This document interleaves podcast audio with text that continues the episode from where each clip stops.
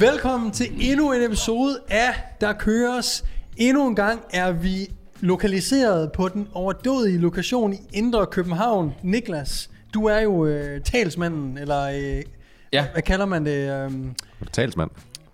The guy who makes it happen. Yes. Nej. ja, ved du hvad? Jamen, øh, Smid jamen, noget der, engelsk ind, så jeg ikke kan være med. jamen, det er det. Øh, en fyr, der jeg er løsningsorienteret. Det var okay. bare det, jeg prøvede at sige. Det er Michael Schødt. Han træner op i øh, VB. Og øh, han er en gammel klient af Mathias Hostrup. Og øh, for ikke så længe siden, der FBI, til dem, der er med i comedy-branchen, Funny Business Funny Inc., øh, det Det skulle... skulle, lige sjov med. Du ved, jeg vidste godt, hvad det betød. Er det ikke fedt? Hvad det stod Ja, det er for. fedt. Er det, det kan være, jeg siger. Engelsk. Det kan være. Hvad står Inc. for? Engelsk. Incorporate. Øhm, men det er dem, der lavede øh, mange af de her comedy-DVD'er, og det er dem, der havde comedy-klubben her. Og øh, det skulle, jeg tror, dem, der havde det før, de skulle ud af det, eller sælge det, eller de gad ikke mere, eller et eller andet. Og så var der øh, fem komikere hernede fra klubben, og Michael var den ene af dem, og jeg kan ikke lige huske de andre, men de valgte så at købe det, og drive det videre. Øhm, så det er ham, jeg har, øh, har snakket med. Og så har vi jo øh, så har vi mødt øh, Søde Sally derude, som er øh, manager. Og det står på hendes navneskilt. Søde Sally. Søde Sally. Ja. ja. Så øh, det er derfor, vi sidder her i dag. Og, øhm, Det er klasse. Ja. Det er, et, det er jo, altså, det er jo Klasse fuldstændig lokation. outstanding venue for sådan en som mig. Jeg synes Ja. ikke, det er det fedeste setup, jeg har haft. Jeg vil jo også sige, at altså, efter Smuk, så er jeg jo ret vant til at sidde på en scene efterhånden. Så jeg synes også, vi skal køre det fremadrettet. Ja. Jeg synes ikke, vi skal være... Ja. Det kommer så ikke til at ske. Nej. Det bliver øh, sofa-arrangementer og sådan nogle lodne, brugte nogen. ja. Faktisk. Apropos, hvor vi skal sidde henne. Morten. Det er jo en klassisk segway, der lige bliver skudt afsted Fordi der. at øh, fremadrettet fra i dag kommer vi jo til at sidde et lidt andet sted. Øhm, og jeg ved Ja, det ikke, er så om, for om en øh, halvanden måned. Ja, der går dem, der vi har jo selvfølgelig nogle flere med, ikke? episoder herfra. Men når de er skudt og udgivet, så kommer vi jo til at sidde et andet sted. Ja. Og øh, jeg ved ikke, om der bliver bygget en scene derinde. Det kunne vi jo godt tænke os. Jeg ved ikke, om der er plads. Det er Men, der ikke øh, overhovedet. Men vores kære Morten, han har jo i gang i et lille projekt, som øh, jeg tænkte, du lige kunne få lov at, at snakke lidt om. Ja, vi skal sgu på bryggen. Ja. Vi skal sgu til bryggen, fordi øh, jeg har øh, simpelthen øh, lejet et lokale, hvor jeg øh, fylder det med træningsudstyr og kører min business videre. Så jeg starter mit eget øh, private træningscenter på Islands Brygge, Kikkuren 8D. Jeg tror, du har navnet på gymmet. Kitkuren. 8D. Det er fordi, man får 8D delts. Yes. Ikke 3D delts. Man 8D. får 8D delts. El, el. Ja, En hexagon delt. Jeg kan næsten ikke sige det. det er også Øhm, engelsk. Så der kommer vi til at være nede. Og faktisk, når man lige går ind, så åbner man døren i sådan en lille en, en nedhak, så man træder faktisk op i gymmet. Så du sidder faktisk på en scene. My God. Stærkt. Selv Jeg skal tak. bare have et trin. Sådan. Det er alt, jeg beder om, det er et trin. Ja. Så det er Anders, der skal stå lige når du kommer ind for døren, så han sådan kan filme op. Skal jeg, Ja, Jeg på tænker, du skal stå på vejen, og så åbner vi vinduet, og så står du ind igennem der. Vi filmer i december. ja. Ja, Ej, bare rolig, det er oktober, så der er stadig... Åh, oh, fedt. Ja. Men vinterjakken skal helt sikkert frem. Modtaget. Ja. Og hun, mate, hun. Ja, mate. vinderjakke og vinderhue. Mate. Ja. Så øh, den 3. oktober, der, øh, den første og anden, der skyder vi derinde næste gang. Det ved I, det har jeg skrevet i kalenderen. Og øh, fra den 3. mandag den 3. der åbner jeg ligesom, der har jeg mine første klienter i centret. Det er fandme sejt. lyder fucking awesome. Ja, det er stort, mand. Det lyder fucking Altså, man, jeg får jo også sådan, øh, at du er jo... Øh, og kæft for har, altså vi har alle sammen, vi, vi- der er apps og DNK og ting. Altså, det, vi har alle sammen noget, og altså vi, vi, vi keder os ikke, tror jeg, jeg kan sige. Jeg vil bare sige, Morten, jeg opfatter ham bare som, det er bare next level. Altså, du sprøjter simpelthen content ud. Du øh, laver lige, øh, hopper lige på en app, du laver lige et øh, træningscenter. Du giver mig så voldsomt meget stress, mate. Ja, det er derfor, jeg skider to gange om ugen. det er jo fordi, jeg er døende af stress. Fuldstændig. Ja. Øh, Nej, nej, jeg vil bare sige, det er, du har min, øh, min fulde respekt. Det er, det er fantastisk at følge med i. det er jeg glad for. Godt gået. Øh, Kan vi ikke prøve at høre lidt mere om øh, selve konceptet, ja. setupet? Nu, øh, du har jo drevet PT ud i Norge sammen med Daniel, og det har du gjort i nogle år nu. Ja. Og øh, Norge er jo et, øh, et public gym, altså privat ejet, men public, øh, så du kan komme og være medlem. Og øh, nu åbner du jo et gym slash studio. Kan du ikke fortælle lidt om, hvordan dit koncept kommer til at være ved dig? For der er lidt forskellige setups derude, når PT åbner øh, gyms. Jo, altså øh, den store grund til, at jeg egentlig åbner det, er for at kunne have lidt mere kontrol. Det, der er nice ved Norge, er også det, der ikke er så nice ved Norge. Og det er, øh, og stemningen den er kun, den er udelukkende nice. Men der er ekstremt mange øh, lyde, der er mange mennesker, der er høj musik, og det ene og det andet. Og når man betaler en kameramand, jeg ved ikke hvor mange tusind kroner for at stå og filme en, så er det rigtig træls, at Sabrina Råhauke kører en eller anden øh, dødsworkout nede i, nedenunder. Al kærlighed til Sabrina, det ved Hun er fucking badass. Øhm, så det er egentlig for at have, få lidt mere kontrol over øh, sådan nogle ting. Det er også for at få et øh, kontor. Og så en meget, synes jeg, obvious ting. Det er jo et CrossFit gym, Nors. Nors. Ja. Og øh, på et eller andet tidspunkt, sandsynligvis, så øh, skulle jeg noget andet end det. Det har været den fuldstændig perfekte start, især med øh, Daniel øh, som en form for, øh, ikke en form for, som øh, mentor, og lidt øh, stifinder. En, jeg kunne øh, i hvert fald øh, træde fodsporene af i de mm. seneste fire år i hvert fald. Øh, så det har været et ekstremt nice sted. Og så har vi jo øh, os tre her, Daniel, Niklas og mig, og Mark Jespersen også, været ude og kigge i øh, lokaler sammen, se om vi kunne finde noget, der kunne huse os alle sammen. Øh, I har kigget lang tid, eller længere tid end jeg har. Jeg kom så ind for halvandet år siden. Altså, jeg har kigget siden 2015. ikke, ikke, at man nødvendigvis skulle handle på det, men det er mere, jeg tror, de fleste PT'er de første to år har en forestilling om, at de gerne vil have deres eget. Og øh, jeg tror, der er mange, der finder ud af, at det skal de overhovedet ikke. Men jeg tror, tanken er der i hvert fald, at åh, det kunne være fedt at have sit eget gym. Man kunne bestemme over eller sådan noget. Mm. Mm. Når man så bliver mere og mere erfaren, og man faktisk begynder at kende nogle gym owners, og hvad der så ellers er af andre stressere, så finder de fleste ud af, det er faktisk meget nice, at jeg bare lige betaler husleje, og så ikke skal en skid. Men, øh, men jeg, jeg har altid kigget også, fordi netop på grund af tanken om, at man altid vil have sit eget. Så det der med lige at være ude og snuse, og have en god forståelse for, øh, hvad tingene koster, og om det overhovedet kan lade sig gøre, og mm. Mm. hvor skal man være omsætningswise for at kunne trække det, hvor skal ens brand være for at kunne trække og have sit eget lokale. Mm. Øh, alle sådan nogle ting. Så, øh, så ja, og det, Mark var også, øh, mig og Mark har kigget løbende siden 15, tror jeg. Ja. Så Og så, øh, så er det heller ikke nogen hemmelighed, at vi var meget tæt på, os tre, og rent faktisk øh, få et sted, hvor udlejere ikke lige var til at, at danse med, kan vi vist Mm. roligt sige. Ja, desværre. Det er jo også det, man går igennem, som man også skal være klar på, fordi Ja. det er jo faktisk en proces, der koster væsentligt mange penge med advokater, øh, revisorer, og bare i optakten. Så hvis der sidder nogen derude og tænker, at om det er da bare at gå ned og så øh, finde et lokale, hvis det er et større sted, der er nogle kontraktmæssige, øh, kontraktmæssige ting, man lige skal have styr på, så man ikke bliver buttfucked om fem års tid, hvis man gerne vil videre eller et eller andet. Lige præcis. Øhm, så det er bare nogle overvejelser, man skal gøre sig. Og det koster bare penge at have en advokat til at sidde og kigge de ting igennem. Ja. Øh, så inden du lige kaster dig ud i det, det kan altså godt tømme kontoen, hvis du ikke har noget kapital. Nu var vi heldigvis flere, så vi kunne splice de der advokatregninger. Men, Bestemt. Øh, Har I oplevet sådan, øh, sådan nogle udlejere og sådan nogle ting, at, sådan noget, at lige præcis det er sådan noget lokaler, at de har været sløje i det, eller har de været mega bare sådan ne- rare at arbejde med, eller hvordan? Sløje, synes jeg generelt set også, fordi de... Problemet er jo, at øh, når man skal lave et gym, så larmer det. Så bliver sat vægte ned. Så det er også sådan, vi er jo en indlejer, som ah, er sådan lidt til besvær for de andre. Et kontor, det er aldrig til besvær for andre. Så det, jeg tror også, det er sådan en ting, at det er sådan, udlejer kan godt se, okay, vi giver de her gutter en chance, men der er chance for, at oven, dem der bor ovenpå, eller naboen, synes de er irriterende, det larmer, så det er sådan, jeg tror, den del, og så tror jeg også, at der er måske mange udlejere, der sådan har sådan lidt en, nå, jamen, kan man nu, kan man nu leve af personlig træner? Er det nu en, er det nu en sikker, er det nu en sikker, øh, betaler de deres regninger? Bliver der problemer med det?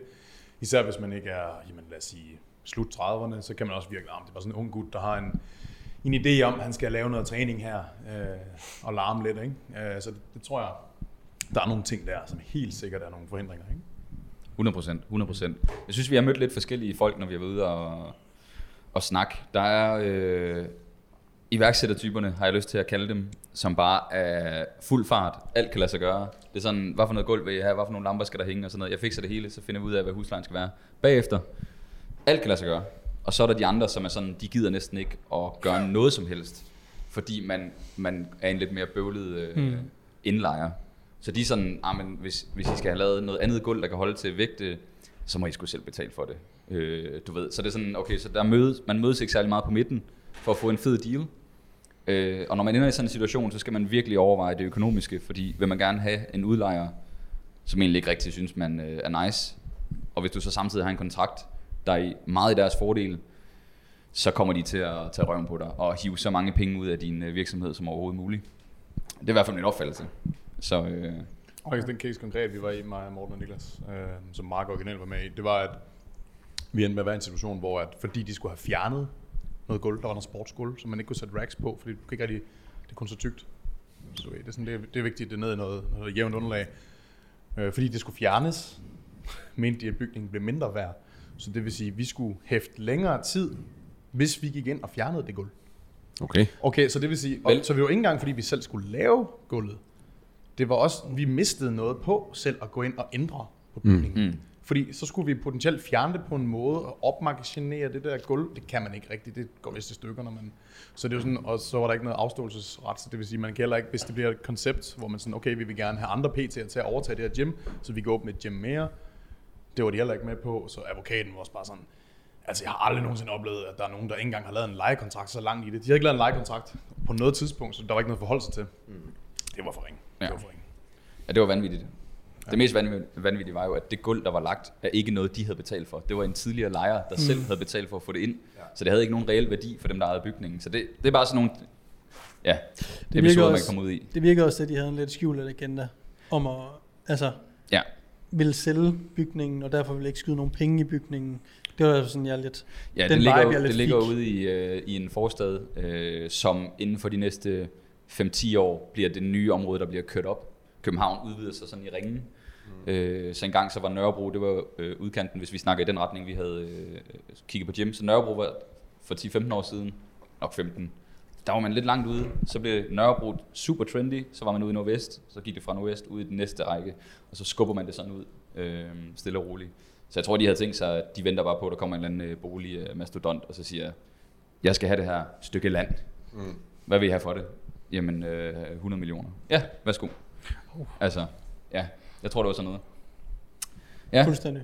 hvordan var din oplevelse med det andet her? Altså, var det, var det, hvordan var udlejer der? Jamen, øh, som I selv nævnte, så er det sværeste, det er det, at man gerne vil have et gym i legemålet. Mm. Altså, der er ikke, det der med øh, larmen er en kæmpe no-go, så det er svært at finde et sted, især i København, øh, som kan huse larmen. Men øh, der havde faktisk været noget træningscenter før det, og øh, der ligger noget fys halløj ovenpå, som også øh, larmer en lille bitte smule. Og i og med, at det ikke var et øh, kommercielt træningscenter, men det bare var et PT-studie, og jeg forklarede, hvor meget jeg nu øh, regnede med, at jeg skulle larme, jamen, så var det ikke et problem. Så jeg finder det om mandagen, så er jeg ude og se det om fredagen, og så fredagen efter skriver jeg under. Lidt en anden proces end vores øh, halvårlige øh, Ja, ja. forhandlingsproces. Og det sjove er, at jeg ringer der om mandagen, og så øh, jeg ringer til ejendomsmaleren, siger, øh, det er Morten, siger han, hej NP. Åh, oh. Okay, han havde det allerede der. Okay, ja, det er bare, hvad skal, hvor skal jeg skrive under? Ja. Du var faktisk ved at sige, jeg skal ikke have det. Jeg tager det. Ja. Jeg tager det. Så er det simpelthen en, jeg har arbejdet med i Bilernes Hus i Silkeborg, dengang Ja, var sabbatår. selvfølgelig. Ja, ja. Altså, en der hedder Mikkel. Nice, nice, good. Som øh, viser mig det frem om mandagen, og så tager jeg den så med, øh, jeg tror det er hans chef, øh, som så er min egentlige udlejer. Han viste det bare frem for mig. Øhm, så det var en meget, meget lettere proces, og nu havde vi været igennem det med, det lå i Brøndshøj, det vi kiggede på. Mm. Så det var bare at spørge om alle de samme ting, basically. Man kendte alle red flags. Ingen øh, røde flag. Øh? Så. Det er bare aldrig ikke sjovt. Så Nå, øhm, Men det bliver sgu da fucking spændende. Hvornår var det, du sagde, det åbnede? 3. oktober. Og så det der er er den her podcast for- nok ude. Altså der regner du med, at der kører du klienter fra Der den kører jeg klienter. Fedt, mand. Wow.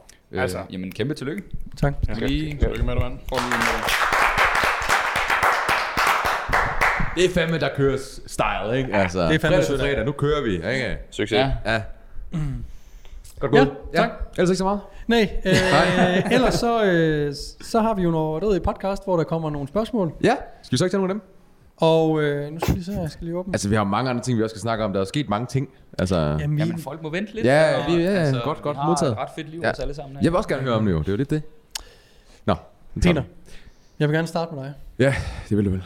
Jamen det er fordi, det handler om tempo. Åh, oh, ja. Og, Du troede, øh, der kom ind en, en mere. Åh, oh, endnu en Tinder. Endnu en. Ja. Ja. der på Smukfest, ikke? Ja, ja, ja, ja. Nej, øh, der er en, en pige her, der spørger, om vi ikke kan snakke om tempo. Hun kan simpelthen ikke finde hoved og hale i det. Og inden at du bare, du ved, Tænder. lader øh, er ikke tempo, maskingeviret, Nej. så øh, vælger jeg jo dig, fordi du går du stadig meget op i tempo. Øh, ja. Øh, jeg går nok mindre op i det, end jeg har gjort. Ja. Øh, og det er jo... Øh, man har jo en... På det tidspunkt, jeg, at, hvor jeg går meget op i det, så er det jo ikke, der er jo ikke så mange øh, studier på det på det tidspunkt. Øhm, og det er der sådan set stadigvæk heller ikke. Men de studier, der kommer, de er heller ikke fyldesgørende mm. i forhold til den måde, som vi griber det an på. Så, så det, der er stadigvæk noget øh, mere erfaring, man skal trække på end, end selve studierne, øhm, indtil de ligesom akkumulerer, og man kan se et, et helhedsbillede. Ja. Så jeg, jeg, jeg går måske 20% mindre op i det, Okay. men jeg bruger det stadigvæk. Øhm, Og hvad er det? Hvad er tempo? tempo er det øh, en beskrivelse af, øh, ja, hvilket tempo vi udfører en øvelse med. Og det kan øh, for den måske mere erfarne løfter give, øh, give rigtig, rigtig god mening. Det er en variabel, som jeg ikke sådan afhængig af, hvor meget, øh, når jeg får en klient ind, hvor meget viden har de så, fordi det er ikke sådan den første, jeg lige potter du dem siger, nu skal du køre 400 x 0 og så står folk helt der. Der er nogle andre ting, vi har fokus på. Så det er sådan en, der kommer sådan stille og roligt. De kan sådan lige se, "Nå, der står 3-0, x 0 Ja, øh, det er når du sådan, når de har fået styr på øvelsen, det er den, den sænkende fase. Så lige for at beskrive det, øh, de fire tal, som vi bruger, og Hvad, der, hvad betyder tempo helt generelt? Ja, præcis. Ja. Man bruger fire tal til at, til at beskrive en løftefase, fordi vi har en excentrisk fase. Efter den, det vil sige, hvor musklen den forlænger sig, forestiller jeg en squat, vi sætter os ned. Så er der en, øh, en fase imellem den ekscentriske og den forestående koncentriske fase, altså hvor musklen trækker sig sammen, og vi rejser os op. Det kunne for eksempel være, hvis der nu står to, så skal man sidde to sekunder i bunden af en squat.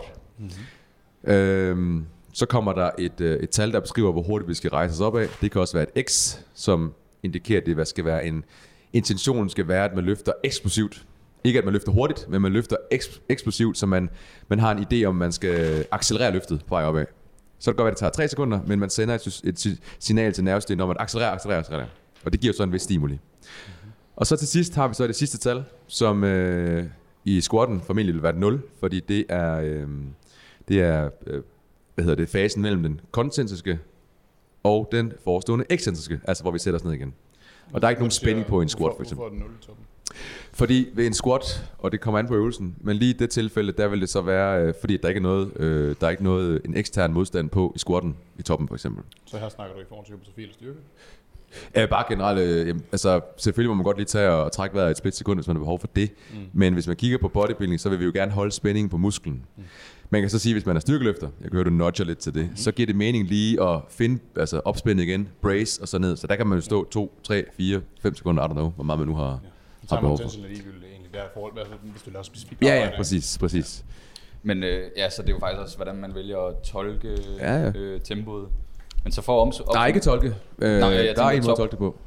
Nej, men jeg tænker, når du skriver 0 i toppen, men du siger, at man kan godt trække vejret, så er det jo egentlig ikke et 0. Ej, så vil jeg... Øh, Det er fordi, og jeg siger det bare, fordi jeg skriver altid bare 1 i udgangspositionen, eller i Ja. startfasen, netop bare for at indikere, at man tager en ny vejrtrækning. Ja, yes, det, det Øh. igen, som lige præcis, jo, okay, så, jo, så er fuldstændig Altså også selvom det er hypotrofi. Ja, ja, Øh, ja. men ja, Så kan man så diskutere, skal man squat? Altså, Præcis. Ja, ja, ja, Præcis. der er mange ting, vi skal snakke om der. Så stikker det allerede af. Yes. Øhm, og det er lige skud ud til, øh, jeg mener, det er Charles Poliquin, der faktisk, øh, til at starte med, der bruger man kun tre øh, hmm. tal til at beskrive tempoet. Der tilføjer Charles Poliquin, han har kommet med mange spændende ting, øh, gode som, rigtig gode, som måske knap så mm. optimale. Men her, der introducerer han øh, 4-0, eller fire cifre til at beskrive tempi. hvorfor en tilføjede han?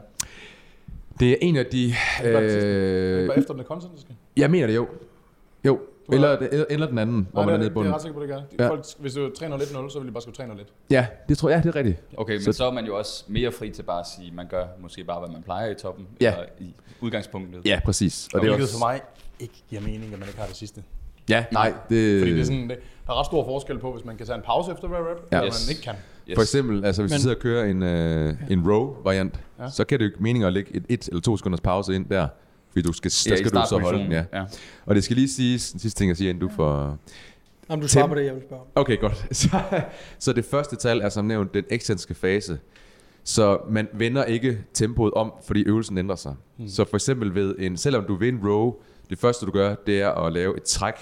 Så skal du faktisk lige op hen til tredje tal for at sige, hvad, hvilken tempo skal jeg køre det her med. Mm. Fordi det, er den, det første tal er stadig den ekscentriske, altså sænkende fase, hvor vi strækker musklen ud. Ja, den tror jeg, der er mange, der kommer Den til at fuck op i. Ja, Ja, den tror jeg, der er mange, der kommer til at fuck op i. Ja. Øhm, så det skal vi selvfølgelig bare huske. Var det det, du øh, ville have, jeg skulle øh, svare på? Jeg har... Øh, nej, men det var det faktisk ikke. Men øh, du kom lige hurtigt ind på det. Grunden til at, øh, at have det sidste tal. At der er jo nogle øvelser, hvis vi ikke tager squat, men, Yes. men hvis vi tager en row, Ja. hvor det kan give mening at give et øh, specifikt antal sekunder. Ja. Og de tal, vi snakker om, det angiver antal sekunder, Yes. tingene skal tage, Ja. hvis det ryger hen over hovedet på nogen. Yes. Men i en vis øh, biceps row eller whatever øvelse, der kan det være øh, meningen, at man måske skal holde den Yes. i spændingen. Ja, fordi det kan være fordelagtigt, ikke? Ja. ja. Bruger I, øh, altså hvad, hvad bruger I mest øh, tempoet til, sådan generelt, når I programmerer til klienter? Jeg tror, jeg nævnte det i en tidligere podcast, men jeg bruger det også til at, at snyde dem lidt. Øh, selvom der står 4-0, x0 for eksempel, så er det ikke fordi, jeg vil have, at de skal køre ned på 4 sekunder, for det er immer væk lang tid at komme mm. ned. Det er fordi, jeg vil have, at de skal køre kontrolleret. Og nogle gange så er det ikke bare nok at sige, kør kontrolleret. De glemmer det hurtigt. Mm. Men hvis de har den der reference, der hedder 4 sekunder ned, så kan det godt være, at de kun sætter sig ned på halvanden to sekunder, men det er stadig mere kontrolleret. Ja, fire hurtige sekunder, ikke? 4 hurtige sekunder, ja, præcis. Og, og jeg kan bekræfte, bare. Og Jeg kan bare bekræfte, at du har sagt det før. Ja. Fordi at, at det med at snyde dem, det brugte jeg efterfølgende, for jeg skrev ofte bare kontrolleret, medmindre der var et specifikt tempo, jeg gerne ville have, de skulle køre det i. Ja. Men efter øh, du nævnte det der, så synes jeg, det var en genial måde at få dem til netop mm. øh, at køre et mere kontrolleret tempo. Især hvis man ikke, hvis det er online klienter, Ja. som man ikke har, Ja. står ved siden af og Ja, hvor man bedre kan stå og sige, rolig. Ja, Slap af. slap lige af, Der er Mark. jeg så typen, hvis de ikke kører de 4 sekunder, så siger jeg, at det, lav det om. Lav det om, ja. Og det gør det gør også med nogen, fordi hvis det er præcis Der er sekund tæller på videoen, så er jeg bare sådan, Ja. Og der er også. Det, det var et jeg- sekund, det der, makker. Ja, ja. Og det gør jeg også ved nogen, hvor jeg vil, nu vil jeg have det 3 eller 4 sekunder, men det er nogle andre klienter. Kun fordi hvis du periodiserer tempoet, så giver det ikke mening, at jeg aldrig overholder det. Nej, det er rigtigt. Ja, det kommer an på intentionen med tempoet. Ja, præcis. Ja. Nå, jamen, det er det, jeg siger, hvis, men hvis du periodiserer, lad os sige, du går fra 4 til 2, og, så, og så... Mm.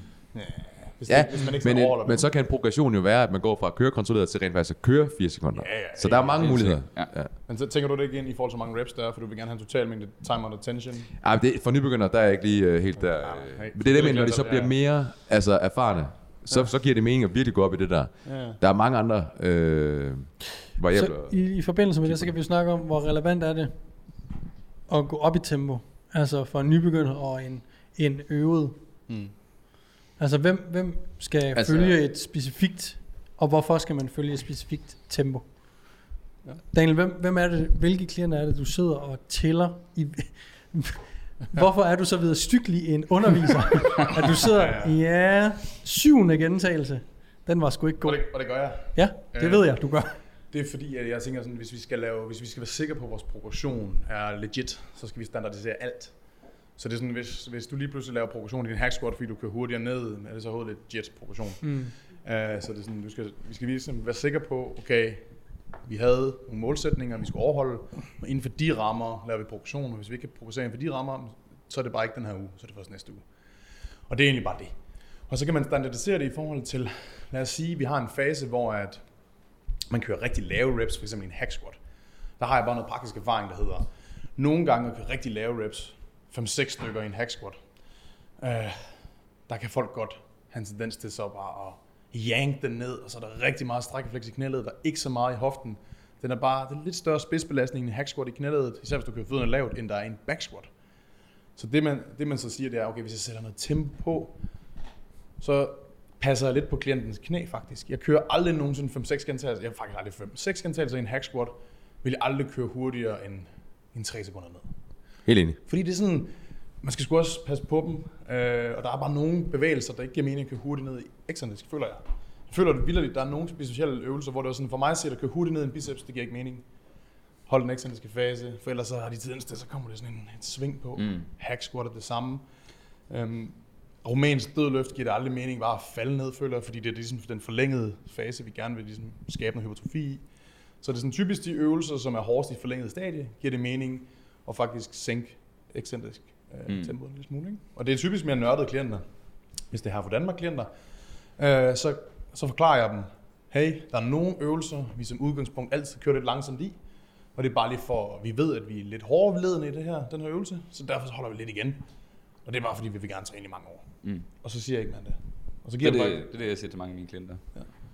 Så øhm, også måske øvelser, hvor der ikke er så lang rom. Ja, altså hvis man enig. kører øh, calf races.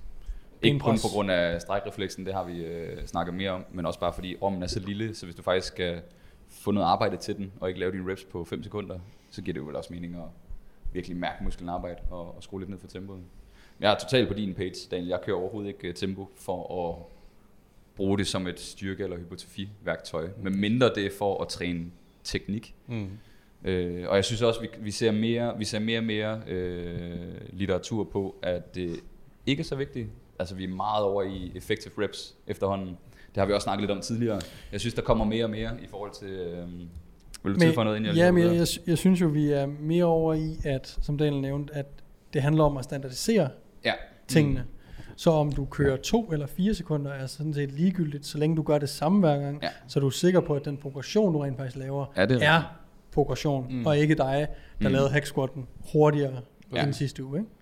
Så hvis man, hvis man sidder derude og tænker, at det skal jeg skulle lige undersøge, så kan man jo prøve at filme et sæt i starten af sin træningsblok eller træningsprogram. Der laver du måske 10 reps. Film den, og så når du er ved at komme ned i de tungere reps, som man typisk gør i slutningen af et program, øh, jamen så kan man jo lige prøve at filme igen. Og så se, om, øh, Om tempoet. om tempoet egentlig er det samme, eller om du bare banker ned mod øh, maskinen. Det Hvis kan, også du gør være, det, så er du ikke blevet stærkere, min ven. Så kører du bare lidt hurtigere. det kan lige så meget også være øh, første og fjerde sæt, eller første og sidste sæt. Også se, mulighed, se ja. om du rent faktisk holder det samme tempo i alle sættene. Ja. Øhm, ja. Også, og for folk en, en helt lavpraktisk ting, det med at tælle Mm. øh, sekunderne, der, øh, der plejer jeg altid at tælle de to eller tre første, og de to sidste, faktisk. Det forstår jeg ikke. Prøv lige at se. Ja, Så, så, tæller du alle sekunderne, kan du ikke? Nej, for jeg skal også tælle De to første og de to sidste. Ja. Så jeg tæller de to Nå, Nå, første gentagelser, Nå, der, tæller, okay, der tæller ja. jeg tempoet, undskyld, Ah, og så okay. på den, de to sidste tæller jeg tempoet, fordi at så prøver jeg ligesom bare at sikre mig, Gennemsnittet skal være ens Ja. på en eller anden måde, ikke? ja, Så du smadrer bare igennem på de midterste reps. ja. Nej, men jeg tror, det, altså, det er sådan en klassiker, det der med, øh, som du siger, Morten, fra sæt 1 til sæt 4 bare, hvor meget øh, sættet ændrer sig. Og det er ikke bare ud fra at, at skabe progression, det er også ud fra et skadesperspektiv. Fordi der er nogen, der laver, så første sæt squat, nydeligt, femmer, sidste sæt, der flyver det bare ud over det hele. Stangen er ustabil, knæene er ustabil, alt er ustabil. Mm. Og du ved, så er de sådan, åh, det kunne jeg godt, jeg sætter lige 5 kilo mere på næste uge. Mm. Uh, nej, Nej. det skulle du ikke lige have gjort. Du skulle Nej. faktisk blive samme sted, så lige gøre det lidt pænere. Mm. Så jeg tror virkelig, der er mange, der glemmer, at teknik er en progression også. Og evnen til at, at, at køre den, altså få det til at se ens ud Mm. Fra uge til uge også, inden de bare smider mere på, ikke? Også bare sådan noget som bevægbanen. Hvis man lærer folk at bænkpresse, folk der er nye, så nu er det den anden, nu er det en, nu er det en ny person, vi snakker om. Rigtig tit, når folk skal lære noget med opspændet, noget med at ramme et specifikt punkt, når de bænker og så videre, så synes jeg, det sejler rundt for rigtig mange. Banen, den bliver underlig. Og rigtig mange af repsene ligner ikke hinanden. Men derfor nybegyndere, hvis man siger, prøv lige at til tre på vejen ned, så kan de faktisk sigte. Så rammer de det samme mm. punkt. Hvor nogle gange, så bliver det det der med, okay, nu var 9. gentagelse hård, nu har jeg 10. Hvordan får jeg 10. Det gør jeg ved at Ja. Altså, let it bounce. Og det er sådan det der med, hvis man sådan lærer klienter tidligt, nybegyndere, at der er nogle øvelser, der, er det sådan, der, der giver du dem tempo på, fordi så finder de ro i det. Og så kan de øve bevægbanen. Du kan ikke øve bevægbanen, når du kører hurtigt. Det er super svært.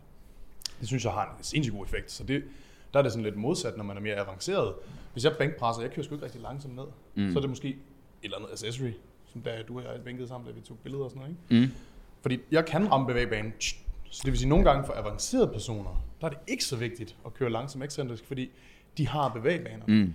De har også, der er også noget muscle mind connection. Nogle gange så er det sværere at mærke ryggen, hvis man pull down bare kører sådan her. Men hvis man kommer ned, holder den i bunden, kører langsomt op, så vil noget syre på et tidspunkt. Så det vil sige, der er det modsat. Der er det sådan, okay, lad os lade nybegynderne lære noget om muscle mind connection. Det er lidt længere henne, men Mm. på et tidspunkt. Også det der med sådan at forstå, at der er nogle øvelser, man bare kører lidt langsommere end andre, som vi snakker om. det er en mega sjov snak, den der. Fordi, kan vi ikke alle sammen rykke med langsommere tempo? Det gør jeg i hvert fald. Netop som du siger, Daniel, for at kunne mærke. Det er svært at mærke ryggen og få kontakt til den, men hvis du bare kører et sekund frem og tilbage. Ja, altså det, det kommer lidt an på, hvilken øh, stimuli man søger, fordi øh, nu, nu taler vi tempo som om, at det, det er langsomt ekstensisk. Tempo er bare en måde at beskrive tempoet på. Det, det Ah, ja, skal vi lige ja, huske. det er rigtigt. Øh, Når vi snakker langsomt tempo generelt, så er det altid i den, i den excentriske fase. Ja. Sænkefasen, bare lige så folk er med. I hvert fald oftest, Så ikke? hvis man siger, at man kører en øvelse med tempo, så er det altid sænkefasen. Ja. Oftest i generelt snak. Ja. Ja. Øh, Det er ligesom rig og failure. Ja, det, og det, er jo, det, er jo en meget forenklet måde at tale om det på, og Ja. det, er jo, det er jo for ligesom at komme ud over Ja, ja. modden, som man siger. Men hvad hedder det? Øhm, ja, så, så, så det kommer an på, hvilke stimuli man gerne vil, vil jagte. Ikke? Vil du gerne have excentrisk overload, øh, eller submaksimalt overload, så kører en tempo 400 x Når du har erfaring, så kan det også være en fordel at fjerne tempoet, som du gør, mm. fordi det gør, at vi kan få en højere belastning, mm. så vi får en højere øh, mekanisk spænding, osv. Så, videre. så det er jo i hvert fald en, øh, en stimuli, man lige jagter i den fase. Mm. Jeg synes også typisk, jeg ved ikke om med jer, men jeg føler typisk, der er en klar sammenhæng. Med høje reps kører man typisk lidt hurtigere tempo. Der er vi tilbage ved tutte. Lave reps, ja, Totalt tut. der kører man typisk lidt langsommere. Og det er lige så meget for det der med, hvis du skal tage 20 gentagelser, hvilken som helst ting. Mm. På cable uh, lat pullovers. Med 4 sekunder excentrisk fase, ikke? Kæft, det tager lang tid. Ja, Og det er også sådan, loaden bliver så insignifikant. det er det. At det er sådan, okay, de begynder at syre fucking min lænd, for jeg skal stå forberedt. Mm. Altså, det Ja. sådan, du står så længe. Mm. Så de ting, hvor du kører højere reps, der giver det måske mening. Ligeledes kører lidt mere pulserende. Hvis du Ja. ja. lavere reps, så kan man begynde, og så er det sådan, okay, at køre hurtigt her, der vil time under tension være, som Niklas siger i en calf race. 1, 2, 3, 4, så er sættet færdigt. Mm. Så, så man kan også argumentere for, at det er nok primært, når målet er hypertrofi. Der skal jeg vil vi- tænke det ind. Ja, der Ja. ved vi også, at vi skal ligge på de der omkring 40 sekunder, ikke? For, for at tænde og, det er altid det, jeg aimer ja. efter. Men så igen, så er det sådan, hvis du tager seks gentagelser, det er fucking svært at komme op på 40 sekunder. Men det er så også, fordi man begynder at bevæge sig længere væk fra kun målet om hypertrofi. Ja. Mm. Ja. Men er vi ikke... Jeg plejer Ja. faktisk at regne det ud sådan. Men jeg synes bare, når jeg regner det ud, vi er enige om, hvis det skal 40 sekunder, så er det ligesom 3-0-1-0. På 10 gentagelser, ikke? Ja. Jeg Quick synes, der, math. der, ryger, der ryger på nogle gange, når du kører 5, 6, 7, 8. Der er sådan et, et spænd, hvor jeg føler, at det, fuck det. Mm. Det, det er sådan det er irriterende at skulle køre 4 sekunder, fordi du kører en 8. Wow, jeg synes virkelig, nogle gange så, går det, så bliver det nemlig submaximal load. Mm. Og så er det sådan, okay, det er faktisk, fordi der er syreophobning i dine ben. Benene går ondt, det er ikke din styrke, der ryger. Der er sådan en sweet spot, hvor jeg sådan føler, at der, der hænger det ikke sammen Men i du- praktisk, altså rent praktisk. Mm. Har du prøvet det? Prøv at købe Skal jeg 15 lige i smage hack på? for eksempel. Ja, men så er det jo den stimuli, jeg får. Altså, Ja, så er det jo øh, metabolisk stress, der ligesom er... Yes. Ja, hvor Men hvis det er mere det så- styrkepræget, så får jeg ikke den der... Men er vi ikke enige om, at, når du skal ramme failure, så er der mange reps har du tilbage i tanken. Mm. Din fysiske kunden. Mm. Der er faktisk mange mennesker, som har flere reps i tanken, men de kan ikke holde syren ud. Du ved, det, det er faktisk, det, det er ikke så meget det der aspekt med, om de kan flytte noget. Nej. Før det, så det sådan, oh my god. Jeg Fordi de har jeg kørt kan, Jeg kan ikke være i det. Ja, hvis du kører ja. 15 år med 3 sekunder. Men så er det jo en, ja, ja, men, men Mm. så, så synes jeg også, det, så, så er det jo et tegn på, at vi har, man kigger på, hvor, hvor vi vil aldrig være stærkere excentrisk, nej, vi vil aldrig være stærkere koncentrisk, end vi er excentrisk. Præcis. Men forskellen mellem, hvor stærk vi er excentrisk og koncentrisk, der, der kan man se, der kan det være fordelagtigt at jagte, øh, nej, jeg vil hellere sige det på en anden måde. Så lad os sige, at jeg kan få en bænkpres med tempo hurtigt, hurtigt. Mm. Der kan jeg løfte 150 kilo. Mm. Øh, men stadig med god teknik, så jeg lægger ikke at bounce, tænker jeg. Hvis jeg så går og kører tempo 4-0 x0, altså langsomt ned op, så må min styrkeforskel mellem de to typer løft ikke være for stor. Præcis. Fordi så er der et potentiale over i den her. Så det, som du måske oplever, eller din klient oplever, det er, at der er et potentiale her, Mm. som de kan udnytte. Og det er jo selvfølgelig, det, det er jo så en ny fed stimuli, som de kan benefit fra. Men føler du ikke nogle gange, at så skal man progressere? Det er deres evne til at holde smerte ud. Jo, jo, ikke det er jo- deres evne til at, at tage flere gentagelser. Ja. Altså det er sådan, så der er faser, hvor at, Det er jo så en tilpasning, de skal opnå. Ikke? ja, det er en Mm, fase, ja. hvor de måske, måske ikke får så mange resultater, fordi du skal lige lære at, st- at mestre og holde muskelsyre ud. Mm. Giver det, giver det mening? Ja, men så igen... Har, Det, har I prøvet nye klienter, der det- syrer helt vildt, og der sidste rep er sådan her, og så racker de det, fordi det er sådan, Ja, ja. "Åh, jeg kan slet ikke være i det. Ja. Hvor jeg sådan, og der Du er en, øh, 10. Ja, ikke? men der skal så bare en, en, der er jo en lille bitte stimuli, der skal til, for at de ser en stor tilpasning. Ja. Så det kan være en fordel at ligge i, i de. Så, er der jo en, så skal de køre det i en periode, for det er bygget op. Mm. Så glide tilbage i at måske fjerne noget tempo og køre det, ikke? Ja. Så det er det, jeg prøver... Mm. Altså, det er så, så kan man sige, jamen... Øh, Så er der var fordel det, var det gøre worth the struggle måske? Ja, det tror jeg på, der er. Altså, Altså når vi sidder og snakker om det, så kan man igen bare høre, at igennem et år kan man bevæge sig lidt rundt Ja. ja. omkring, mm. og alt sammen giver nok resultater i sidste ende. Så er det nuancerne, vi har på her, som bare sådan, det må man tage case by case. Ja. Agtigt, ikke? Jo. Igen for, der er ikke, der er ikke noget... nej. Manu, Manu Facit, hedder han? ja. øh, Henselmann, Manu Henselmann. Ja, Ja. har lige udgivet noget, hvor de sammenligner leg extension, tror jeg. Langsom ekscentrisk med lavere vægt kontra hurtigere ekscentrisk fase, og ergo med mere vægt, Mm. hvor at langsom ekscentrisk var mindre effektivt. Ja, det var mindre effektivt. Så det var sådan, okay, meget spændende. Men så kan man så kigge på, hvilken maskine kører de, ikke? Ja, ja. Der er større spænding i toppen ja. af det der, ikke? Altså, Men- vi, men det, det derfor, var- vi er nødt til lige at tage... Ah, Men jeg føler, Ja. ja. jeg føler, at det er rart at have noget data i det mindste, som så siger, okay, hvis vi skal lære, hvis vi skal køre det langsomme ekscentriske, så skal det i hvert fald nok ikke stå alene. Vi skal nok have nogle komponenter. Vi skal nok have nogle komponenter, hvor du får lov til at, at bruge maksimal load med et respektabelt tempo. Hvis vi så skal lave sådan et eller andet syrehelvede langsomt tempo, det skal ikke være det eneste, du gør, Nej. Fordi der har vi data, der viser, at det modsatte er mere effektivt. Giver det mening? Ja, så det skal, det skal bruges til at gøre de andre ting stærke, ja. Kan man sige. Mm. Altså, det er sådan Yes. lidt sådan, man skal bruge det. Så man må ikke bruge... Det, men igen, det menneske leder efter, "Ah, så er det her det bedste, så er det bare det, vi gør. Ja, ja. Det er ikke det, vi siger. Men jeg hører også folk det er sige, at det er aldrig meningen at køre tempo. Nej. Nej. Sådan, det, det, er jeg ikke enig i, for Nej. der er bare nogle, for eksempel, der er nogle øvelser og nogle faser, hvor det giver super mening. Lige præcis. Hvis, hvis vi kigger tendon strength, hvis du kigger på, øh, det gør jeg meget med styrkeløfterne lige nu, hvor det sådan er, det her med at undgå bouncet for længe. Hvis du så kommer ud i det der bounce, det giver måske ikke så meget mening. Så jeg kan faktisk godt lide nogle gange at lave øvelser, som er hårde ved ledene. En langsom ekscentrisk fase tager den del ud af det. Så det der med, hvis man skal bygge stærke led, hvis vi kigger på olympiske vægtløftere, som har hypertroferet pantella, simpelthen, altså patellascenen er fucking hypertroferet, fordi mm. de bare vant til stød, stød, stød. Ja. Det er derfor, de kan holde til det her. Så det der med at, at sige, okay, jeg skal faktisk med den her styrkeløfter, hvis, hvis jeg kører super, super, super øh, langsom ekscentrisk fase, fordi at jeg har taget et kilo strength kursus, der siger, at selv i mainlift skal man køre 3-4 sekunder for eksempel. Ikke? Når de så til powerlifting stævnet, fuld YOLO, bam, falder ned, så kan være, at leden ikke er klar til det. Musklerne er klar til den load, men leden har ikke prøvet det der. Så der er også noget, der er også nogle cases, hvor det er sådan, nogle specifikke individer skal faktisk med vilje køre lidt hurtigt ned ekscentrisk. Det er jo det, de skal. Altså, Ja, for, det er for jo led. sportsspecifik. Ja. Ja. Så det skal man også tænke lidt over, det der med, Mm. at man kan godt sådan komme til at overbeskytte folk ved altid at køre langsomt tempo for at passe på dem. Ja. Det har en modsatrettet effekt. Mm. Du styrker faktisk ikke, du giver ikke ledene det der yank, som det faktisk skal kunne holde til. Lige præcis. Mm. Ja, så, så for lige at... Vil du også opsummere? Det Nej, men jeg vil bare lige tilføje en lille ting, at det er lidt ligesom øh, med gentagelser. Altså, hvor mange gentagelser skal man lave, for at det er bedst muligt Mm. for muskelvækst og så videre. Mm. Og det vil hele, som du har gentaget mange gange nu, kommer an på, hvilken stimuli man søger. Mm. Og det samme her med, med tempoet, at det er ikke en enten eller, Nej. og du kan bruge alle slags tempo. Det vil være en rigtig god idé at altid holde en øh, lidt langsommere ekscentrisk måske end den koncentriske i de fleste tilfælde som udgangspunkt. Men det betyder ikke, at det er det eneste slags tempo, man skal lave. Præcis. Jo. Og der kan være nogen, som Daniel sagde med hack squatten, der kan være øh, romansk dødløft, der kan være nogle øvelser, der simpelthen giver mere mening. Mm. Næst oftere at have et langsommere ekscentrisk tempo Mm. end en cablefly, Ja. eller en leg extension, eller hvad pokker det nu kan være, ikke? Mm. Hvad var det, du sagde, Peter, det der med strength ratio, som du kigger i forhold til, jeg ved, der er sådan en online course også for kilo. Prøv lige at forklare det. Det er det der med, at du, der har noget potentiel øh, vækst at hente, hvis du for eksempel skal køre hurtigt ned, kontra langsomt ned, hvis der er for stort forskel på styrken på Lige præcis. Lige præcis. Og hvad er det, man kan hente der? Jamen, der, Jeg ved ikke, om det det, det, handler, noget. det begynder til at handle om at blive stærkere. Hmm. Om vi kører med, eller når, når vi kører uden tempo. Det er det, det handler om. Ja. Og der kan vi, øh, jeg kan ikke lige huske ratioen, men der, der, man laver sådan en test, der hedder sådan en supramaximal ekscentrisk øh, test i bænkpres for eksempel, hvor du kan du skal køre ned på, det er jo meget ekstremt at sætte på spidsen, men der kører du ned på 8 sekunder, mm. og der skal du kunne tage x antal procent af det, du kan køre uden tempo. Ja. Og bliver det meget meget nørdet. ikke objektivt. Meget, Ja. ja. Og det øh, var meget øh, science der er på det, ikke ret meget. Øh, Okay. så, Kan så, du det men, ikke strength uh, deficiency mellem, jo, eller sådan eccentric eller strength deficiency hedder det jo. Hvad for noget? Eccentric strength deficiency. Deficiency. Nej, def, Deficiency. Deficiency. Jo, ja, deficiency. Ja, ja. Skal vi lige prøve den en, en sidste gang? Peter? Fordi nu er det Eccentric dig, der strength deficiency. Ja. ja. det. Øh, fordi Jeg redder det meget sidst, godt, ikke? sidst vi øh, snakkede tempo, der mener jeg, at du nævnte Ja. det også. Ja.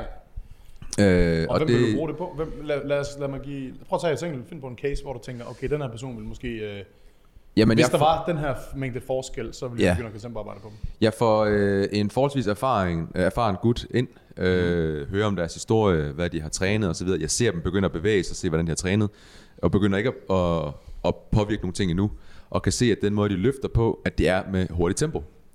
Så kan jeg, og jeg prøver at snakke med dem også, og de har ikke prøvet at køre langsom ekscentrisk før. Der kan være, så prøver man måske at teste, Man siger, nu prøver du lige at køre ned på, på 4-0 x 0 i stedet for. Og så kan man bare se, at der skal bare en 20 af hver side, eller et eller andet. Så er der et potentiale der, i en fase, hvor vi kan udnytte den eksentriske øh, del. Potentiale, fordi de aldrig har kørt det før. Ja. Hvad med personer, som har kørt det før, men bare dårlige til det? Er det en ting? Det, Har du med øh, har de nok ikke gjort det, hvis, hvis, du ikke, hvis de har gjort det før og ikke er god til det, så kan vi stadigvæk hente noget. Men det er det, jeg tænker. Ja. Ja. Fordi det er sådan, alle når du tester noget første gang, er de jo altid dårlige til det. Også bare fordi det er sådan, det har det bare været der. Ja, men jo, altså man, lad, os, lad, os, lad, os, lad os teste Skill, en hex squat, hvor der ikke er så meget, øh, hvor der ikke er så mange krav til øh, skill, Ja. øh, for at sige, det, hvor det er rent muskulært. Ja, eller også en, altså en erfaren gut, som ikke har kørt langsomt ned, forstår godt, hvordan man kører langsomt ned. Lige præcis. Vil jeg tro, ja. ikke? Så der er ikke så meget med, at man, sådan skal, man skal ikke lige lære og, og tilpasse. Det går i Nej. hvert fald rimelig hurtigt, ikke? Ja. Så der kan man gå ind og køre nogle, øh, en fase eller to eller tre med, med fokus på den ekstenske del, så den ligesom bliver opvejet, og styrkeforskellen ikke er så stor. Det er da spændende, hvis du gør det med styrkeløfter. Tror du, det vil have en gavnlig effekt at tage dem væk fra det specifikke arbejde, og så gør det der? De skal stadig have, altid have en grad af specificitet. Så lad os sige, at den ene der kører tempo squats, den anden der kører det, de kender. For de må aldrig komme væk fra det, tænker jeg. Det skal de være gode til. Så de bliver nødt til at lære hele tiden, et skill. Mm. Men så kan man have en dag, hvor man kører en, øh, en, en proxy-øvelse ind som squat, eller bulgarsk, hvor man kører langsomt tempi, ikke? og mm. ligesom udnytte den. Og så håbe, at fordi de benefitter i at være gode ekscentrisk, Ja. rent faktisk noget carryover. Ja, og det ved vi faktisk, der er. Jeg er jo ikke så meget på grund af specificiteten i det langsomme, men fordi der er noget, der, et potentiale, der ikke er udnyttet. Man kan, Præcis. se, man kan få så kraftig en stimuli, Ja. om det så er muskulært eller styrkevejs eller et eller andet. Der er noget, der kan løftes præcis. op der. Lige præcis. Ja. Men kunne der ikke også lige så meget være noget skill carryover der, som du snakker om, Daniel, med nye, mm. hvor bænkpressen sejler? Mm. At hvis du nu sætter en erfaren styrkeløfter til at lave en ekscentrisk langsom bevægelse, at okay, nu bliver de faktisk bare bedre til at holde banen Jo. helt lige. Jo, jo, jo. Også når de kører Ja. hurtigt. Ikke nok med, at de bare faktisk bliver stærkere. Man bliver måske også opmærksom på nogle ting, mm. og Mm. ser nogle ting, ikke? Ja. Det ville jo være en kritik af et studie, der sagde, at det var effektivt på grund af, at der var et potentiale, men i virkeligheden Præcis. så var det bare et skill work. Ja. Og det, så skal man lave flere studier, det kan vi ikke vide nu jo. Nej. Ja, det ved jeg ikke, om der er litteratur på det. Vi skal bruge 20 studier mere. Ja, altså. fordi Ja, hvor meget var det egentlig potentialet, og hvor meget var bare, de bare blev bedre. ja Så præcis. det, men det kan vi jo aldrig Det kan vi altid give. Det kunne give om. Ja, Øhm, men det er sgu meget interessant snak, synes jeg. helt vildt. Det er faktisk det, er faktisk det der, fordi det, det er jo nogle gange sådan en, man tager et valg. Nogle gange, så har vi en person, som er sådan rimelig neutral. Ved, personen er rimelig well-rounded. Hvad for en stil introducerer vi? Mm. Ja. Og så er det sådan en, en så, så har man sådan en vurderings, så kan man sådan prioritere, om hvad, hvad er værd at introducere for personen. Og der har jeg nemlig tænkt meget over, sådan, kan jeg vide, hvornår det der med at arbejde med styrkeratio er relevant. Øh, men positivt, som i, du ved, det kunne være nice at ligesom have nogle indikatorer, hvor man sådan tænker, okay, men den her person er neutral. Vil det give mening så? Eller er det, giver det kun mening for folk, der er dårlige til det? Mm. Kan du følge mig? Ja, og der er også noget, hvad, hvad, hvad, hvis de synes, det er super... Eller, hvis nu får en ind, der bare er modtagelig over for alting og klar på at prøve alting, så lad os prøve at teste nogle ting af. Mm. Øh, hvis der nu er en, der kommer ind og synes, det er, her, jeg synes bare, det er røv nede det der overload, det dræber min træning, det er demotiverende, bla bla bla, mm. så er der også noget, man skal ind der, ikke? Øh, Det er jo 90 procent, der siger det. det er det jo, ja, det er det jo vildt. Altså, så man ligesom, altså dræber det deres træning og deres motivation for at træne, så skal vi måske bare lade være med at, at pådutte dem, øh, put- pådutte det her lille science Mm. experiment her, ikke? Science project. En, Ja. ja. en, en sjov ting er bare lige et eksempel på den virkelige verden, hvor det var sådan, det er ikke en, det er ikke to, det er ikke tre, det er måske, måske fem, femte gang, jeg oplever en styrkeløfter, som er stærk i dødløft, som ikke kan finde ud af at holde vægten i baglåret, altså hip hinge, mm. eksentrisk i dødløft. Ja. De er kun vant til at lave koncentrisk fase, så de kommer i bundposition, trykker med hvad de har, låser den. Og slipper.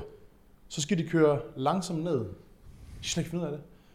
Lænden, de, de kan ikke hip hinge. De kan ikke finde ud af hip hinge, de dødløfter. Kvindelige atleter, som dødløfter, lad os sige 150 plus, der ikke kan hip hinge. Mm.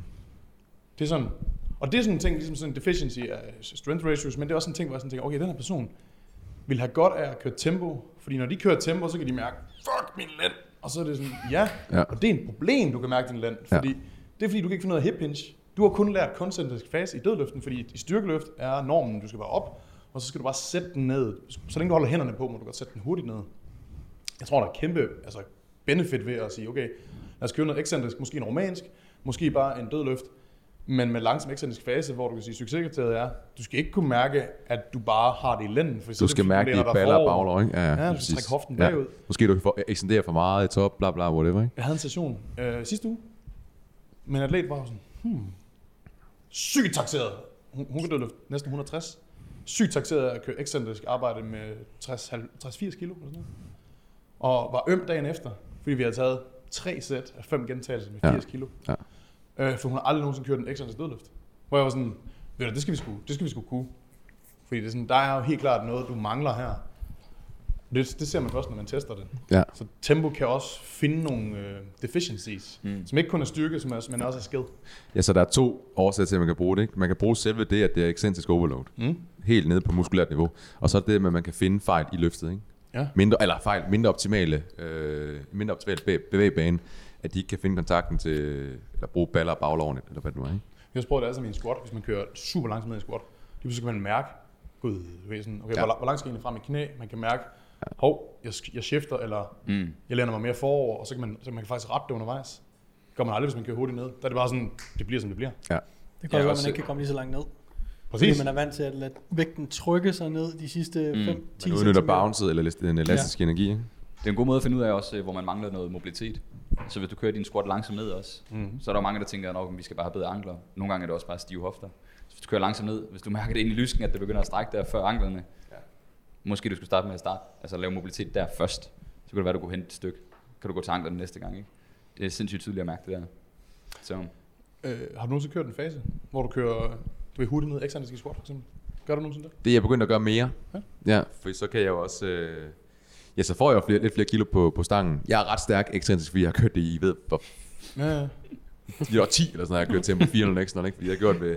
du var tempo 400 ekstra. Jeg var tempo 400 ekstra, det var det, jeg var kendt for. Det var sådan, og- fingre har og... du Har du ikke tatoveret sådan hen over ryggen? 400 ekstra, ja. Det var sådan, det er Peter. Hvem Peter? Peter 400 ekstra. Ah, okay, han får tempo Peter. Yes, tempo Peter. Ja, ja. Det er der ikke noget studie på. Nej, præcis. Tempo Okay. Peter. Ja. Tempo Peter. Altså jeg kan jo huske, at vi var, øh, Nikolaj Nyvang, jeg og Frederik, var i Performance Gym, øh, Ultimate Gym hed det måske dengang, og træne en benetræning. Øh, hvor at, jeg kan huske, at jeg lavede et post, super provokerende, og skrev noget med, øh, så fik uh, Ultimate Gym også oplevet uh, en, en hurtig eksternisk fase. fordi, især fordi, da jeg var yngre og squattede, der var det sådan her, shoo, Ja. Altså og jeg, må, jeg, jeg, tror på, at vi, jeg har været for langt ud den ene, altså den ene side, og du har været for langt ud den anden Ja, side. ja, ja. Og nu er vi mødt ind i midten, ikke? Altså du kører mere tempo nu, ikke, end jeg gør. Altså det var... Er det ikke rigtigt? Jamen, det er, rigtigt. Ja, det, Ja. det er faktisk rigtigt. Har- Kører I, øh, hvis vi sådan skal høre panel, er der nogen af jer, der kører specifikt langsomt tempo i nogle øvelser? Øh, altså selv eller med klienter? Jeg selv? Øh, altså jeg har gjort det for skill work, ikke for noget øh, excentrisk overload. Så for eksempel, jeg har altid arbejdet meget med Men, men, men squat. dit uh, klientel er vel heller ikke lige til at... Nej. jeg tænker på ham selv. Ja, Nå, på, på- på, på- mig okay, selv, jeg ja. arbejder jeg kun med det som et, øh, altså jeg bruger det virkelig meget som et skill-værktøj. Øh, så pauser i Men du er heller ikke så god til at træne? eller Nej, jeg stinker til det. Jeg stinker til at træne. men, øh, men jeg har altid bøvlet meget med squatten. Øh, lange femur og så videre, så jeg har aldrig rigtig... Kender. Ja, altså de første par år, hvor jeg trænede, smadrede jeg nemlig bare igennem, og fik faktisk en ret fornuftig, øh, altså squattet øh, 160-70 for reps og sådan noget. Men Kender ikke. Nej, men jeg begyndte at få, øh, sådan jeg fik ondt i knæene, og du ved, jeg var altid også, som du nævnte med dødløften, min lænd var altid smadret dagen efter. Og det var fordi, jeg netop kom ned og bouncede, og så røg min overkrop lidt frem. Men så, jeg reddede den bare. Fordi jeg var Good morning lige op. Ja, good morning til sidst, ikke? Så dagen efter var man sindssygt øm i, øh, i lænden, så har jeg haft lange pauser uden squat. Øh, og så bliver jeg lidt træt af det sådan... Du ved, jeg synes, det er så fæsent, hvis man ikke er god til det. Altså, jeg, og det er sådan en, sådan en ting, jeg selv har, det der med, og vi har også snakket om det tidligere, Morten, fordi Jeg du, har- du, har nemlig, du har nemlig fjernet squatten, men jeg kan huske, vi har haft snakket om det, det der med sådan, jeg har det bare stramt med ikke at kunne løfte noget jern med en barbel. Mm. Altså, hvis jeg ikke kan det, så føler jeg mig bare øh, udulig. Så jeg introducerede den igen. Og så introducerede jeg den netop med tempo, pauser, jeg kørte øh, low box squats og så videre. Øh, og så er det faktisk her, kun det sidste år, jeg bare begyndt at køre øh, af lidt mere almindelig tempo og få den bygget op igen. Det går også fint. Det føles meget bedre. Jeg kommer også dybere. Jeg står pænere. Du får rent faktisk ømme lår. og ikke Ømlår, ondt. jeg får Ja. ikke øm øh, Lænd, lænd ja. eller noget andet. Så det er, det er win. Stinkende slap. Er du helt ude? Ingen, ingen, tempo, ingen tempo dig længere. Du kører bare... Ej, jeg kører stadig kon- altså, jeg kører, smadrer. Ja. jeg har ikke noget, ikke noget, ikke? Altså, jeg så, hvordan du voksede og tænkte, fuck, det må jeg sgu da bare, det skal man, altså. Eksplosivt ned i en squat, teach me. Bare hoftebøjer. Og jeg plejer sådan lige, og nu kommer Det lige er en sådan, bowling, stangen den ryger ned, du kommer lige under den. Nu kommer lige sådan en bowlingbane reference her. Ej. ja, ja, ja. Slap af, ikke?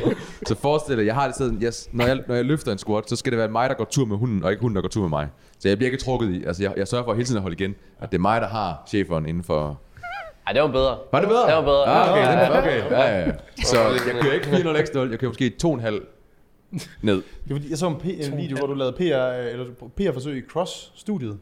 Øh, hvor Ibsen er også med. Ja, ja. Du, går, du møder også Søren Falby og sådan noget. Ja, det er og der, jeg kan huske, da jeg så den, der tænkte jeg, hvorfor kører du så langsomt ned, Ja, mate? men det er også fordi, det er det, jeg programmerer til. Ja, og det- det jeg kan jeg for jeg, jeg får ikke noget ud af at køre hurtigt. Det bliver kun dårligere for mig. Er det rigtigt? Hvis jeg skulle være, bare skulle være stærk i en squat, så skulle jeg også lære at Ja. køre hurtigt ned. 100%. Det der med turnover, Ja. øh, ekscentrisk turnover til koncentrisk, og det er faktisk øh, noget, vi kan snakke om, for lige før vi går til Morten, øh, hvordan han griber det an med tempoet, men folk, der er mega dygtige til at træne, har lagt mærke til, hvor gode de er til netop at, at få lavet den der turnover, rep Timingen, turnover. ja. Ja, det er altid nybegynder du når de dobbeltpresser, og så, og så det, Ja. bliver sådan, det, det bliver sådan karikeret. De kan, ikke, de kan ikke finde det der smooth overgang, og det er samme i hack squatten. Det der med at holde ingen pause i toppen, det der med, at det er sådan en, en Mm. smooth bevægelse. Ja. Det er altid, man kan altid se folk, der er dygtige. Det er sådan, det er smooth det hele. Ja. Det, Ja, det, det, det er du er- mega god til, Peter. Ja. Dine, øvelser, dine øvelsesvideoer har jeg set jo. Når du laver bænkpres, det er sådan, du låser din albu ud, men, men i split sekund efter du Det er jo låser bodybuilding, ikke? Så er du på vej Det, det er time and attention, det ikke? er du virkelig god til. Ja, tak, tak. Det du, tak. det, og, og det er også Frederik Ibsen. Ja. Træner mega flot. Han har altid gjort det der. Ja. Jeg kan huske, at jeg synes, han var en pussy, dengang jeg trænede med ham, fordi han, han lavede bend over row med ingen kilo. Han havde en bedre ryg end mig. Det havde han altså. Ja, nu er han verdensmester, ikke? Ja. Men det var sådan, fordi han det var altid så smooth det hele. Sådan, han løftede bare noget jern. Men det er jo, hvad- lad os kalde det sport specific, fordi det er jo bodybuilding, ikke? Ja. Det er jo time and attention tuff, hele tiden, ikke? Hvor du, øh, hvis du har en styrkeløfter, så skal de jo, så må der godt være et pause i toppen, og der må godt virkelig ryge noget bounce i bunden, ikke? Altså udnytte Ja, ja, den elastiske energi, så du kommer hurtigt op. Fordi det er jo også noget, vi kan udnytte. Ja, præcis. Så det, det kommer an på, og, og tak i øvrigt. Øhm, så kommer an på konteksten. Hvad hedder det, det du lige nævnte der med den der turnover? Har I så ikke oplevet? Skal nok komme over til dig, Morten, hvis det er. Men det er fordi, jeg kom lige til at tænke på en, øh, jeg snakkede med i center nemlig, en, øh, en af de andre trænere.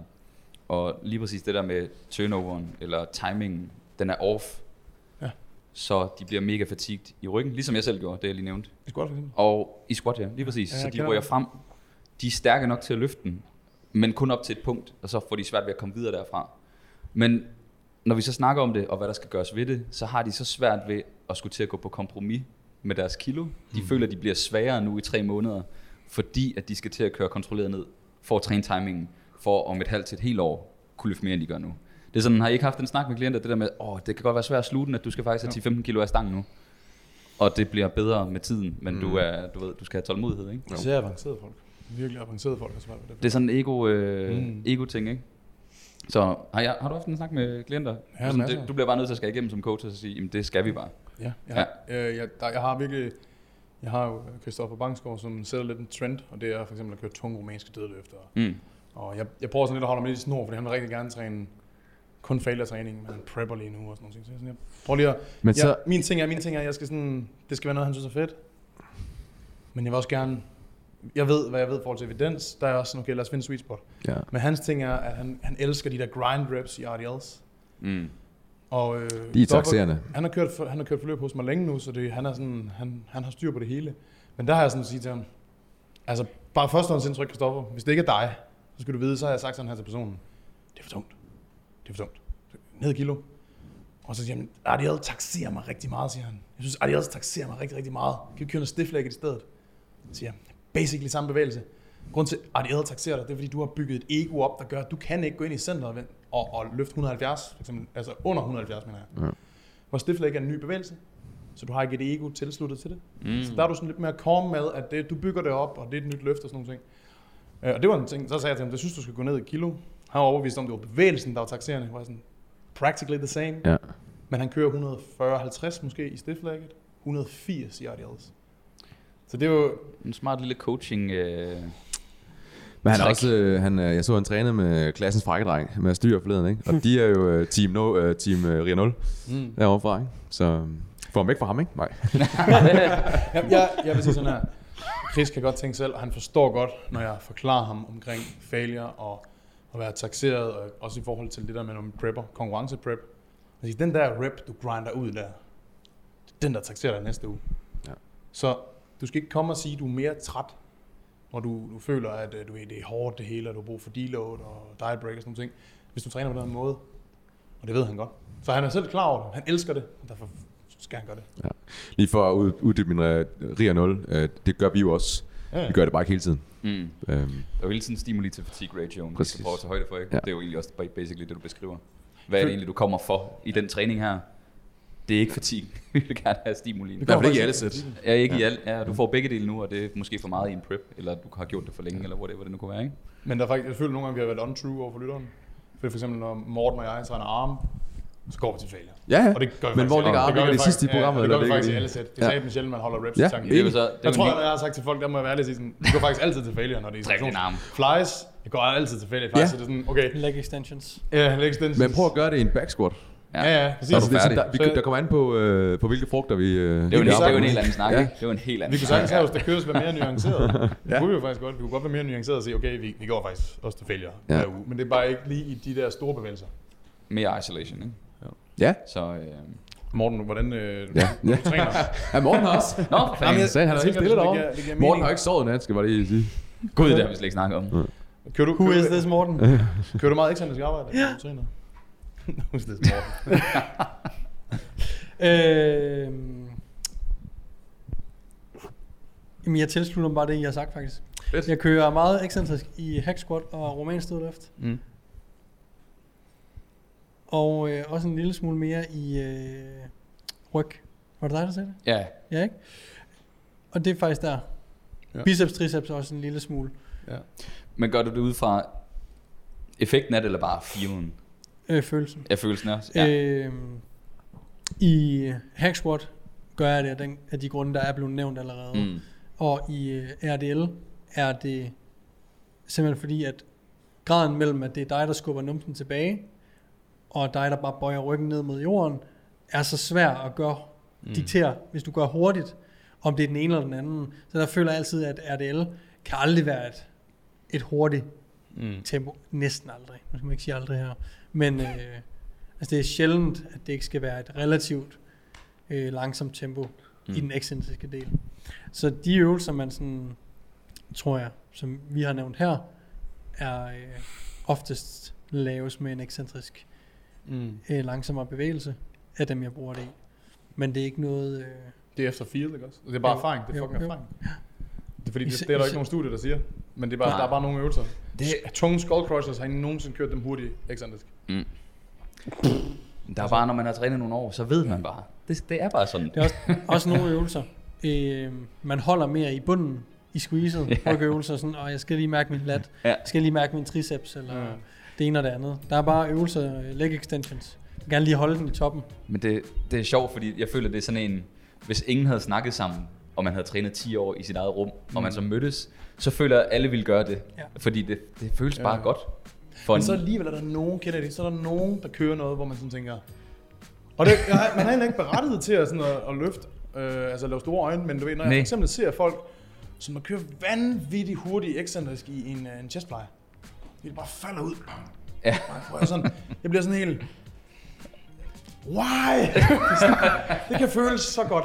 Det kan Ja. føles så lækkert, når du gør det langsomt. Hvorfor fuck gør du ikke det? Laver du også den der lille dans der? Wow! ja, hvis, du, hvis han får øjenkontakt, ham der står og laver fly med dækken, så står han over i hjørnet sådan her. Why, dude? What are you doing? Forestil dig, at man kommer op fra en fly, man har kørt til RIA 0, og det første du får på, det er, at Daniel står i hjørnet. Sådan står og Okay, ikke mere ved- syre til mig. Det ved man nu, hvis Daniel han er ude at træne i et center. Hvis han står sådan, så er der en eller anden, der laver et eller andet, han ikke er tilfreds med. Han står. Hold kæft for godt. Jamen, jeg, synes, Ja. jeg synes virkelig, der er, der er nogle uskrevne regler, vi ikke har snakket om. Ja. Og uh, vi går en hel episode med Jim uskrevne regler. Men tiden er gået, Morten. Ja, vi har faktisk lige Ja, en... der er et stadig et ur deroppe, men det er fedt, du flexer dit nye Du behøver ikke at flexe dit nye ur, for det er ikke... Altså, få det lige dækket lidt til, ikke? Så, øh, Ja, det går ikke Ja, godt. Det går det, godt. det sjove er, at øh, personen, som stillede det her spørgsmål, tror jeg er relativt ny til træning.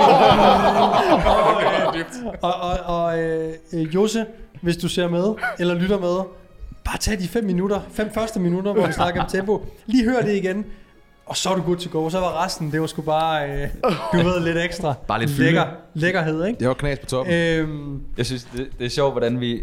Nogle gange, når vi står og snakker om emner, så er vi sådan, okay, vi kunne tage det her. Ah, der er sgu ikke, der er sgu ikke så meget kød på. Du ved, sidste gang, så var det uh, træningssplit. Det er sådan, vi er over det på 10 minutter. Det tog halvanden time. Så i dag, så er vi sådan, lad os lige... Tempo, det er fire tal. Så er vi sådan, der er gået en time. jeps. Ja, godt, det var den episode. Jeg synes, det var Men godt. det, Det, det, er er nuancer. Det er så dejligt. Ja. Ja. Det er det faktisk. var fedt, det noget her. nuancer. Det var Ja. det, jeg ville Så- sige. Øh, det blev en øh, tempo specific hjælp. Eccentric Sang Safety Det blev en episode om uh, tempo. Hvis der skulle være nogle spørgsmål omkring tempo, du ikke synes, du fik besvaret i den her episode, så husk at skrive en kommentar uh, ind på vores uh, YouTube, eller slide into the DM's, så kan det være, at vi besvarer dem i uh, en uh, anden episode. Ellers så tror jeg bare, vi vil sige tusind tak til Comedy Zoo. Niklas? Ja, vi igen øh, i Comedy Zoo. Øh, til jer, der følger med på øh, YouTube. Til jer, der ikke gør, så gå ind og tjek det ud. Man kan gå ind og høre noget comedy øh, show alle hverdage, tror jeg det er. Øh, og også weekender. Og det er sådan lidt en blanding af upcoming øh, artister og øh, også øh, relativt etablerede komikere. der er Ja, en gang altså den øh, 6. oktober er der i hvert fald en upcoming komiker, der skal optræde herinde. Ja, vi, Morten prøver ligesom at, at få en, en fod indenfor her. Det går Ja. ja. godt.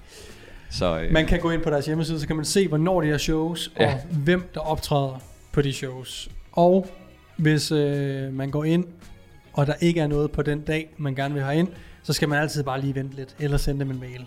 Så meget husker jeg Mm. det for min fødselsdag. Jeg vil takke af for den her episode, og sige tusind, tusind tak, fordi I endnu en gang lytter med. Vi ses i næste episode. Peace.